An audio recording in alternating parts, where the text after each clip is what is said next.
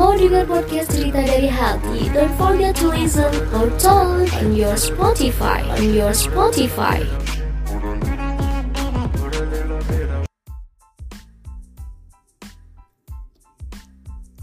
Assalamualaikum warahmatullahi wabarakatuh Hai Sobat HT, apa kabar nih?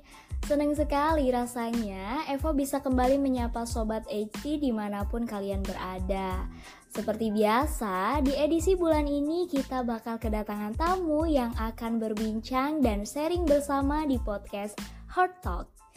Nah Sobat HT, tema kita kali ini bakal membahas mengenai mental health.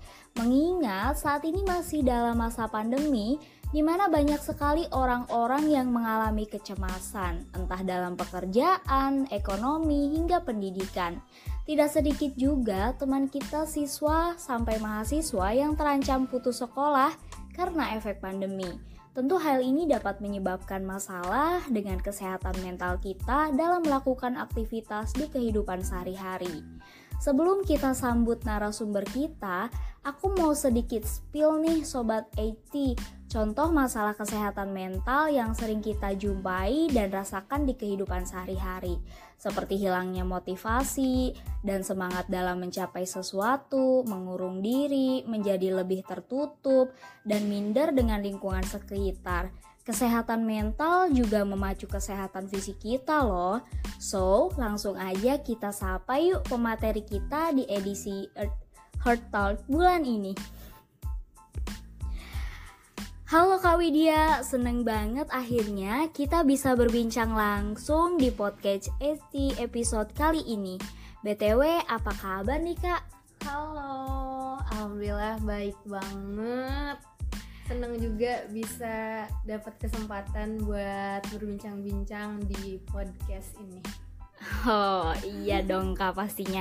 Gimana nih kak kuliahnya lancar? Alhamdulillah lancar, semoga selalu lancar. Amin. Nah, karena pepatah mengatakan tak kenal maka tak sayang, so aku mau kenalin dulu nih narasumber kita yang cantik ini sama sobat HT semua. Jadi narasumber kita kali ini bernama Kak Widya Oktavia. Nah, dia ini salah satu mahasiswi semester 6 jurusan KPI di IAIN Syekh Nurjati Cirebon. Kak Widya ini juga salah satu mahasiswi yang aktif loh. Dia juga merupakan seorang penulis buku dan juga konten kreator quotes kehidupan yang keren banget di media sosialnya. Mau tahu lebih lengkapnya? Kalian bisa kepoin sosmednya Kak Widya ya di @widiok oktav underscore. Jadi Kak Widya, di episode kali ini kita akan membahas mengenai mental health. Apalagi sekarang itu banyak banget ya kak anak muda yang sering overthinking, oh, bener nggak? Banyak banget makanan setiap hari. Nah bener banget. Nah sama problem kehidupannya entah keluarga, cinta, sekolah hingga pertemanan. Nah, nantinya Eva bakal kasih beberapa pertanyaan nih buat Kak Widya mengenai tema kita di episode kali ini. Gimana Tika? Oke. Okay. Oke okay deh. Kita langsung ada deh Kak eh, bahas tentang tema kita di episode kali ini. Nah, untuk pertanyaan pertama nih Kak, apa sih yang Kakak ketahui gitu mengenai mental health Oke, okay, sebelumnya uh, mohon maaf ya, correct me if you wrong gitu. Aku juga backgroundnya bukan dari orang konseling gitu, aku juga dari orang komunikasi. Jadi se menurut aku gitu, menurut aku menurut aku pribadi, mental health itu adalah posisi di mana kita mem merasakan suatu ketenangan, kedamaian di dalam diri kita sendiri.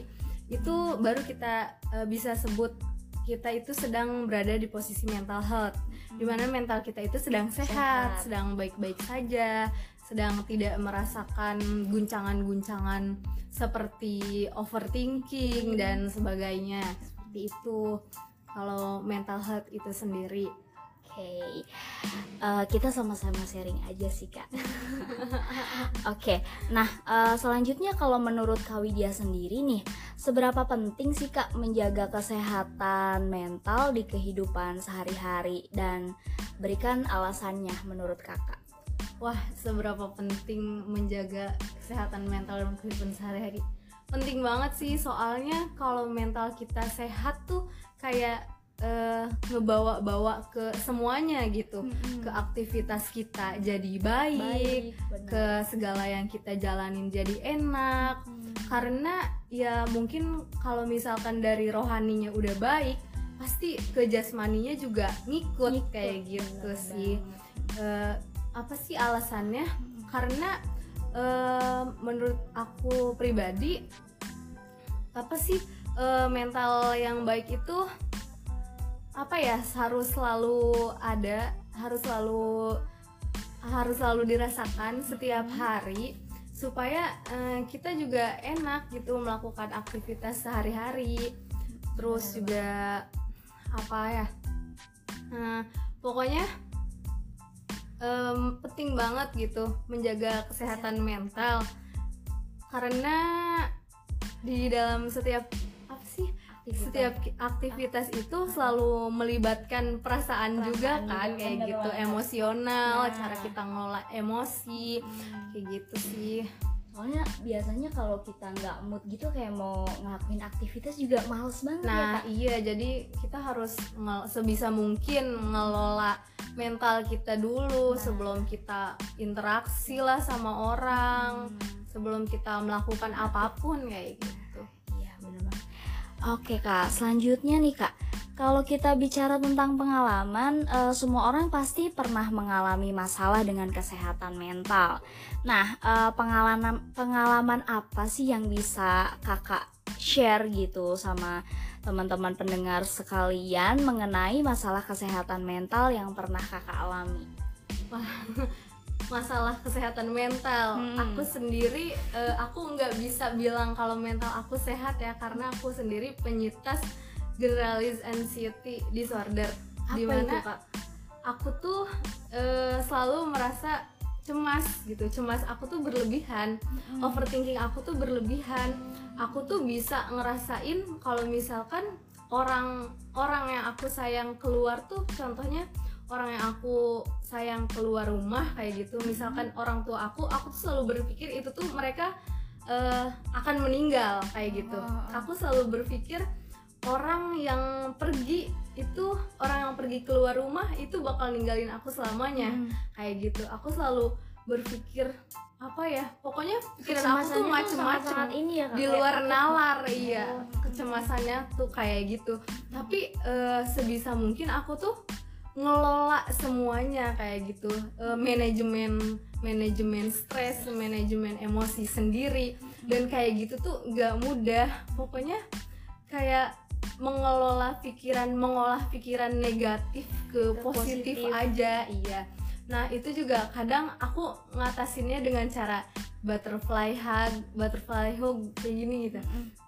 Nah atau enggak uh, ngasih reward apa gitu buat diri sendiri nenangin diri sendiri dengan cara uh, apa gitu melakukan hal-hal yang aku suka ataupun melakukan apa gitu yang bisa membuat aku damai tenang seneng kayak gitu contohnya ya kayak aku ngelakuin aktivitas-aktivitas kayak naik gunung hmm. ke alam sana ke sini itu salah apa nyari apa iya salah satu gitu ya. metode untuk ketenangan nah. mencari ketenangan itu sendiri aku menulis hmm. aku mengungkapkan apa yang aku nggak bisa aku keluarin kayak gitu iya, Mm-mm. Soalnya Kak Widya ini ya teman-teman uh, eh, FYI lah for your information gitu. Sering sering banget nih nulis kata-kata di medsosnya, di TikToknya, di Instagram. Pokoknya Beh, kata-katanya tuh emang relate banget sama kehidupan ya kak ya.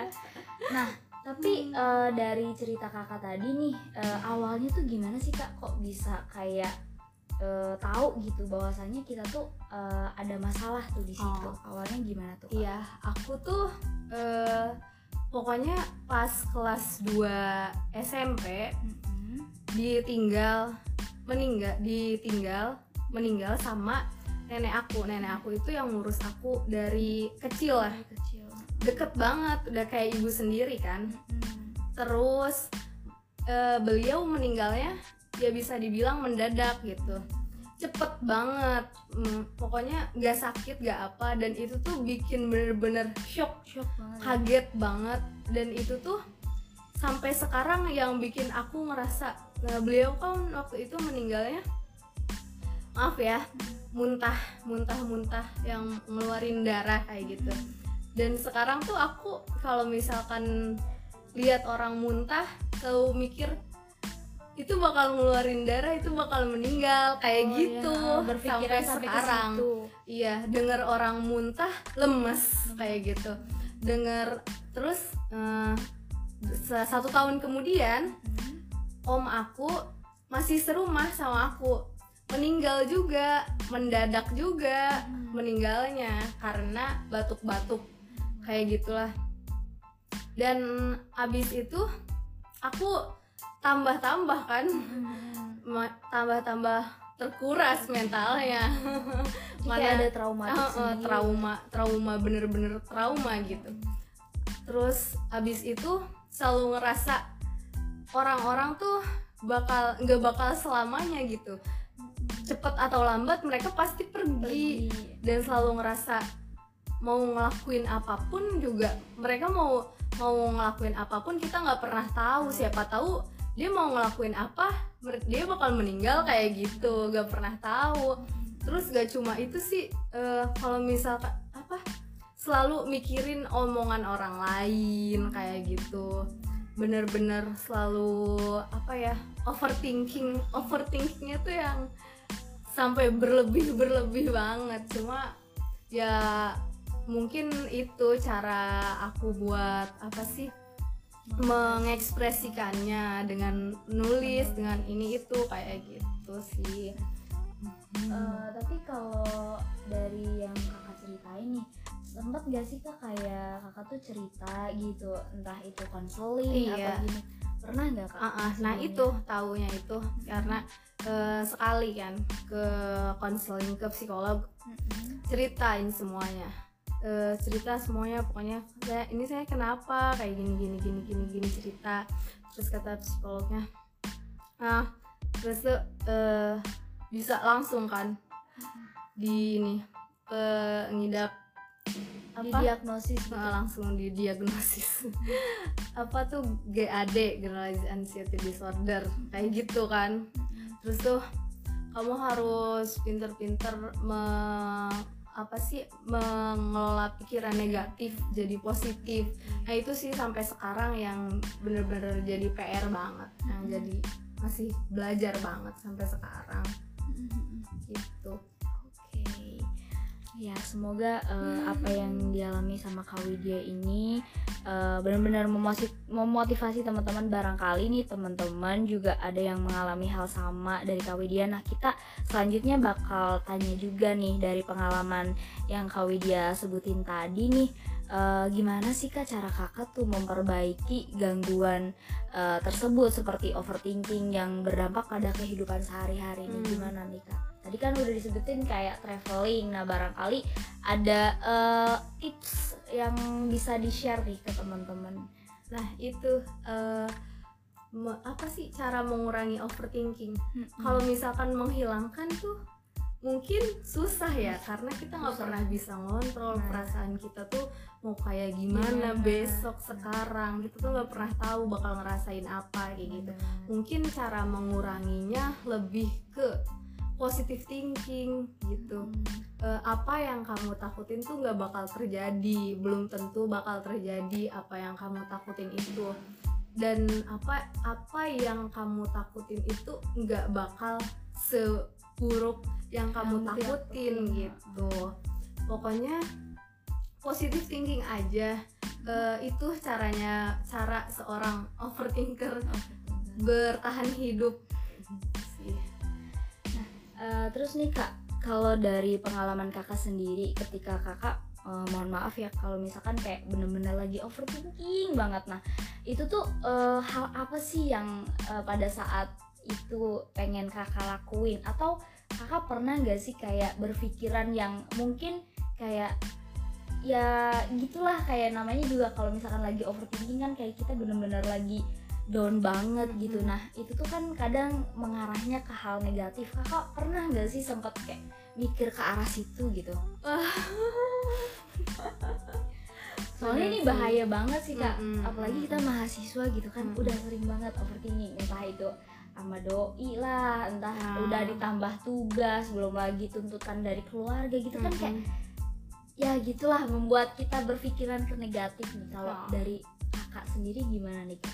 Wah kalau dari aku pribadi nih ya overthinking yang sampai ke hal negatif sih eh, menurut aku kayak semua orang pasti pernah ngerasa pengen nyerah aja rasanya kayak gitu.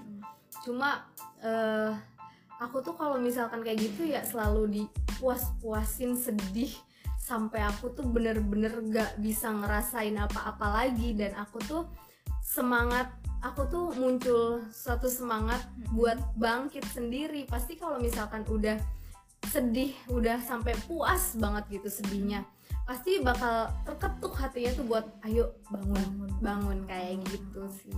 Tapi biasanya kalau pas lagi down gitu tuh eh, kalau kakak sendiri tipe orang yang kayak menyendiri gitu apa nanti nulis gitu atau nangis apa gimana tuh kak? kalau aku sendiri dulu nangis nikmatin rasa sedihnya sampai ya ya itu ya bener-bener bener-bener kayak tersalurkan gitu rasa sedihnya Emosinya juga mungkin. Mm-mm. Terus nih kak eh, dari apa sih overthinking atau mungkin eh, suatu apa ya masalah yang mungkin pernah bikin kakak itu tuh bener-bener kayak ngeganggu banget sama aktivitas tuh contohnya gimana sih kak? overthinking Mm-mm.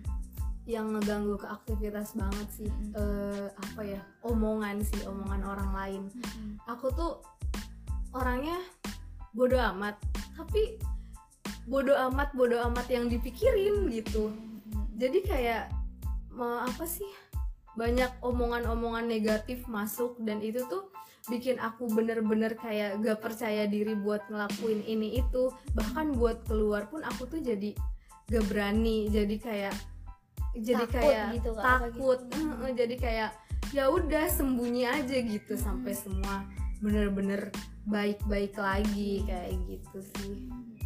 Kalau kayak ke apa ya aktivitas kayak misalkan ada tugas kuliah atau misalkan ada apa gitu kak itu ngeganggu nggak kalau pas lagi kita kayak gitu tuh. Hmm, kalau aku alhamdulillah sih kalau tugas kuliah la- lagi sesedih apa pun gitu karena kan ya kewajiban ya mau nggak mau gitu harus. Bahkan kayak kadang tuh lagi nangis-nangis sambil ngetik kayak gitu cuma gimana lagi? Mau nggak mau gitu Oh, iya, bener harus. banget ya. kayak aduh gimana ya kita sebenarnya pengen eh, pengen Iya. bentar dulu cuman Mm-mm, tugasnya udah mm-mm. udah Nggak bisa, iya, udah iya. bisa ditinggal gitu ya. Oke nih nah eh, pertanyaan terakhir nih kak. Sebenarnya waktunya masih banyak sih kak. Ini baru baru berapa menit gitu. Nah bentar kita lanjut ke pertanyaan yang terakhir ya. Barangkali nanti kita bisa sharing lagi. Nah eh balik lagi sih tips nih apa tips yang bisa kakak share kepada pendengar untuk tetap menjaga kesehatan mentalnya gitu Nah, nih. mungkin agak-agak bakal agak sedikit curhat ya di Nah, sini boleh atas boleh. apa yang aku abis alamin Amin. karena Iya. Nah, mumpung waktunya masih ada juga kan nah iya, iya. waktu. yang banyak aja Hmm. Nggak apa-apa Jadi eh, menurut aku sih eh, cara menjaga kesehatan mental itu dengan menghindari apa pun yang toxic gitu entah Hmm. itu toxic positivity entah itu toxic apa pun pokoknya toxic dalam segala hal Hmm. toxic relationship toxic dalam pertemanan Pertemanan. apa pun lah pokoknya Hmm. Kalau kamu udah ngerasa di toxic dalam suatu satu lingkaran kamu sebisa mungkin kamu harus cabut harus harus keluar gitu dari lingkaran tersebut. Nah eh, menurut aku apresiasi banget buat diri aku sendiri. Aku tuh berhasil keluar abis gitu ber, abis berhasil dari keluar dari hubungan yang toxic lagi Gimana itu tuh kak? Aduh. sih aduh pokoknya itu sangat-sangat menyiksa menyiksa menyiksa hati waktu pikiran pikiran. pokoknya bener-bener sih itu apa pun yang dilakuin kayak sangat-sangat ngerasa apa ya eh, orang tuh kadang ngerasa ditoksik tuh sadar ngerasa ditoksik tuh setelah keluar dari dari hubungan toksik tersebut kayak gitu. Itu tuh nggak enak banget. Kalau aku tuh kemarin tuh ngerasanya di toxic positivity. Jadi eh, toxic positivity tuh dia tuh eh, toxic tapi ke hal yang positif. Kayak ngelarang-larang aku nggak boleh ini itu nggak boleh ngelakuin hal ini itu. Padahal itu tuh baik buat aku kayak gitu. Jadi kayak contohnya nih aku mau rapat. Rapat himpunan. Gak boleh. Karena eh, atas dasar dia cemburu ada ini ada itu kayak gitu kan. Dan itu apa ya maksudnya? Kayak aneh banget ya sih? Iya, aneh udah banget. toksik banget kayak gitu. Bener-bener. Hmm, terus tuh nggak boleh nggak boleh main ke sana ke sini sama temen-temen. Nggak boleh ngelakuin hal ini itu pokoknya kayak bener-bener dunia Kekang tuh banget ya? Iya dunia tuh harus sama Di- dia gitu. Harus bener-bener udah bareng sama dia aja gitu. Padahal kan enggak. Kita kan di usia sekarang kan lagi pengen mengeksplor banyak Nah, hal. Lagi pengen nyobain ini itu lagi pengen ke mana-mana bebas kayak gitu.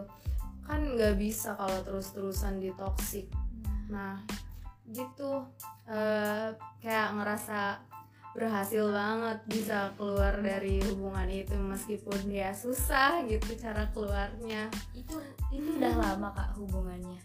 Hubungannya udah setahun sih. Hmm, setahun di kayak gituin gue ya. Iya sih orang juga ya lama-lama aduh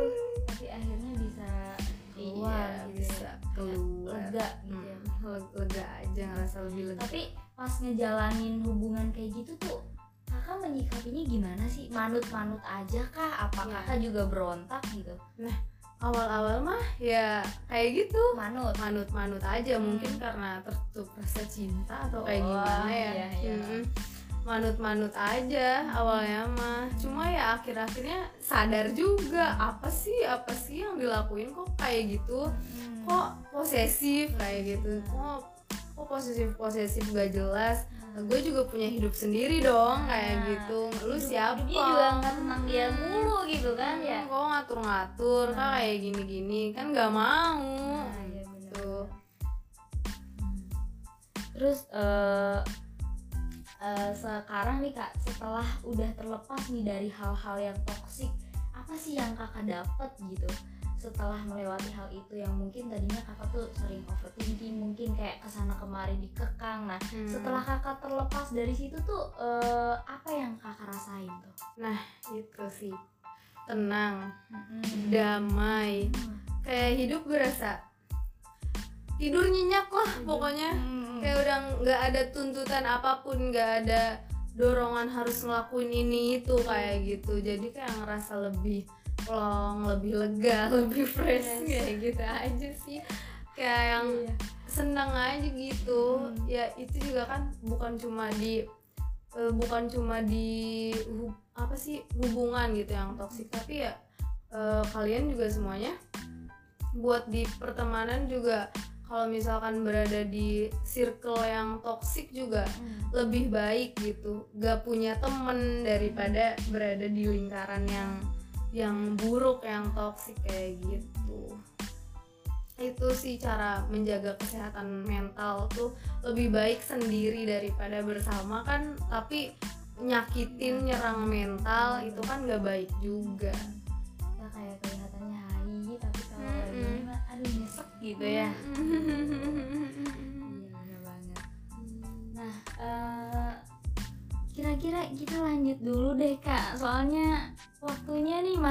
ada nih kak kita lanjut sharing-sharing lah gitu nah kalau dari eh, kisah yang tadi nih sebelumnya kan eh, toxic relationship ya kak Mm-mm. Nah itu tuh setelah melewati itu kan kakak tadi katanya lebih tenang, lebih damai. Nah tapi ada nggak sih kak perasaan takut gitu untuk memulai hubungan dengan orang baru? Nah, takut sih pasti. Trauma. Trauma nambah trauma yang baru lagi. Tapi hubungannya masih baik apa gimana nih kak? sama yang mana? Ya ini Eh, yang kemarin, oh, yang kemarin kemarin. ya mm, baik. Mungkin namanya orang abis udah baru baru ya Baru. bisa dibilang baru mungkin belum bisa sebaik itu Hmm, gitu bener belum bisa Ah, berdamai. belum bisa damai cuman ya semoga ke depannya bisa baik-baik aja gitu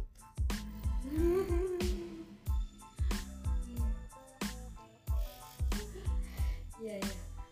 Oke, eh, jadi gitu ya teman-teman. Eh, teman-teman mungkin bisa juga nih eh, belajar dari kisah Kak Widya, dari bagaimana dia melewati dari hubungan toksik, dari kecemasan dia yang tadi apa G G E G A D. Nah, G A D itu bagaimana dia melewati hal itu. Nah, itu tuh mungkin eh, buat teman-teman yang merasakan hal yang sama dari tips-tips yang udah di-share sama Kak Widya tuh bisa banget kalian terapin gitu. Jadi biar kalian tuh juga lebih enak, lebih enjoy dalam menghadapi kehidupan. Bener gak sih kak? nah iya benar kan kadang orang lain tuh cuma ngelihat yang kelihatannya doang Nah. gitu cuma ngelihat satu persen ibaratnya dari Nah. dalam diri kita gak tahu dalamnya kita tuh kayak gimana, kayak gitu Nah, iya, bener banget. cuma lihat yang kelihatan aja gitu Lihat wah ini keren hebat Nah. nih kuat banget Nah, iya. padahal kan dalamnya Aduh, aduh rapuh-rapuh juga gak tahu sama struggle yang aja. dijalaninya juga gitu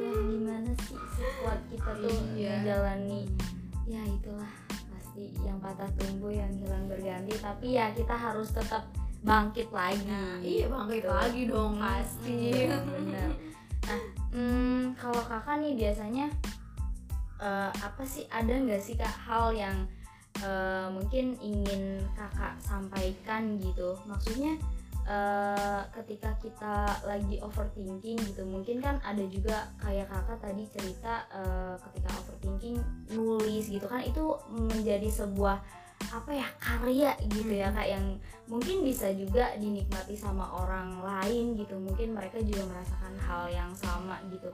Nah itu tuh menurut kakak eh, ngebantu banget gak sih kak? Kayak apa ya kita bisa lebih explore diri terus eh, kayak kita juga lebih sharing. Nah sebenarnya itu menjadi sebuah hikmah apa gimana kak kalau menurut kakak nih? Menurut aku Mm, pribadi ya mm, kalau misalkan sharing kayak gitu mm, eh apa ya bikin kadang orang-orang tuh di komen tuh pada komennya tuh relate banget kak Hmm. kayak gini makasih ya udah mewakilkan gini Nah, gini gini oh. gini padahal aku tuh nulis tuh ya tentang aku sendiri, sendiri iya gitu Heeh. iya dan ternyata orang Hmm, lain juga orang yang lain, yang merasakan pokoknya ya apa pun yang lagi eh, kita rasain gitu Mhm. jangan pernah ngerasa sendiri Nah. karena eh, boleh jadi yang kita rasain itu itu banyak, Banyak juga dirasain sama orang lain. Percaya harus percaya pokoknya. Kita tuh nggak pernah sendiri ngadepin masalah eh, yang kayak gitu orang lain aja bisa masa kita enggak. Gitu. Terus eh, kalau kakak sendiri nih kalau ketika lagi ada masalah nih, kakak tuh tipe orang yang kayak kan orang mah kadang ada yang kayak dipendam gitu ya ketika ada masalah ya udah ada yang curhat di buku, ada juga yang curhat ke orang, ada yang nulis gitu, ada juga yang kayak ya udahlah ntar juga masalah berlalu gitu. Kalau dari kakak sendiri nih gimana nih? Kadang kan ketika kita bercerita gitu kan kayak beban yang kita rasain tuh sedikit berkurang gitu kan. Mm-mm. Nah kalau kakak sendiri nih tipe yang gimana tuh? Kalau misalkan aku kalau misalkan masih bisa dipendem ya Mm-mm. masih tak pendem sendiri gitu Oh. pendem pendem tapi kalau bener-bener udah dongkol banget Mhm. gitu dan posisinya juga aku lagi sama temen gitu lagi ya kayak gini di kos sama lagi lagi bareng teman-teman Mm. itu ya sharing sama temen dibagi gitu dibagi bebannya. Seenggaknya gitu agak Mm-mm. plong gitu Plong, kalau nah. udah dicurhatin ke temen mah gitu. Pokoknya eh, ya kalau bisa tuh jangan gitu dipendem sendiri tuh karena itu tuh sakit banget dipendem sendiri itu. Udah mah bebannya teh banyak gitu ya di pikiran teh. Aduh udah antri ya, ada datang masalah lagi gitu kan kayak aduh hidup teh kieu wae kata Hmm. orang Sunda nama gitu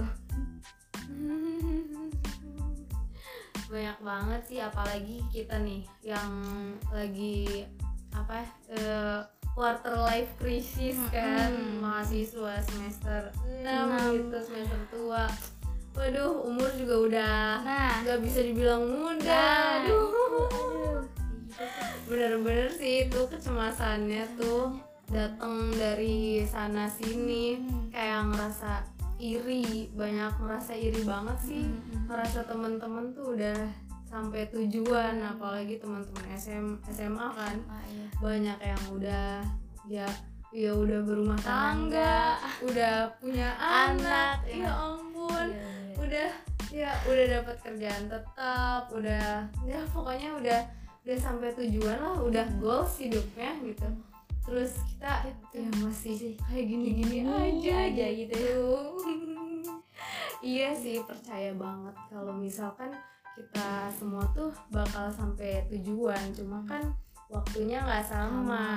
Karena kita tuh berangkat dia pakai kendaraan yang beda-beda. Ada yang ekspres ada yang ya reguler. reguler yang jalannya gerinjul-gerinjulan gitu tapi percaya banget harus percaya banget sama proses. Kan sesuatu juga segala sesuatu nggak bisa dilihat cuma dari hasil akhir. Tapi kita juga harus selalu melihat prosesnya. Bener banget sih. Wah Tuhan teman-teman luar biasa banget ya eh, sharing kita di episode kali ini. Kayak eh, bener-bener relate dan ngena banget gitu di kehidupan kita. Dan semoga eh, dari perbincangan kita ini eh, bener-bener ngebantu teman-teman bahwasanya ketika kita punya masalah gitu kan ketika kita bener-bener lagi down nggak cuman kamu kok yang punya masalah gitu kan setiap orang juga pasti punya masalah dengan mungkin dengan bentuk eh, dan alur yang beda-beda gitu. Cuman percaya deh kamu juga eh, apa namanya nggak sendiri kayak gitu. Jadi kayak kita juga harus tetap semangat harus tetap menjalani kehidupan kuliah juga harus tetap dijalanin gitu. Syukur-syukur eh, dari situ kita bisa bikin karya nih kayak Kak Widya yang di mana dia tuh wah FYP terus guys. Kalian bisa cek juga tuh di TikToknya dari Kak Widya. Apa kak nama TikToknya kak? Tiktoknya Nala Dipa Nah, nah Dipa itu di situ tuh ada quotes-quotes kehidupan yang keren-keren banget. Nah, teman-teman bisa cek langsung lah di TikToknya Kak Widya. Nah, eh, sebelum kita tutup nih Kak, ada nggak sih eh, closing statement nih dari Kak Widya yang memotivasi teman-teman biar mereka juga semangat lagi, biar mereka juga tambah greget lagi lah, nggak yang down terus gitu. Hmm. Gimana? pokoknya hmm, apa pun yang kamu yang kamu lagi sedihin yang kamu lagi pikirin itu tuh gak bakal selamanya jadi kesedihan kayak gitu semangat karena eh, kita nggak pernah tahu hari esok tuh bakal kayak gimana nah yang sedih tuh gak bakal selamanya sedih. Cepat atau lambat juga bakal berubah jadi bahagia yang bahagia yang luar biasa banget. Dan kita nggak pernah mengira sebelumnya. Gitu. Keren banget kan. Wah Gak kerasa ya Sobat Eti Pertemuan kita kali ini sudah sampai di penghujung acara Sobat teman-teman Semoga apa yang sudah disampaikan di episode kali ini Bisa bermanfaat dan diterip- diterapkan di kehidupan sehari-hari Kita harus jadi anak muda yang punya semangat dan visi misi yang tinggi Untuk kehidupan masa depan yang lebih baik Bener nggak kak? bener banget Oke. Galau boleh, overthinking wajar, cuman jangan sampai kalian berlarut di sana ya. Kehidupan kita masih panjang, gak seru dong kalau gampang nyerah mah. Nah, eh, sampai jumpa lagi di episode selanjutnya dengan tema yang lebih seru lagi pastinya. Eva pamit dulu, Kak Widya juga pamit. Sapa dulu Kak. Dadah. Dadah. Jangan lupa tulis di kolom komentar tanggapan kalian dan ide tema untuk episode selanjutnya ya. See you on next time in Heart Talk with me. Bye bye. Wassalamualaikum warahmatullahi wabarakatuh. Mau dengar podcast cerita dari hati? Don't forget to listen or talk on your Spotify on your Spotify.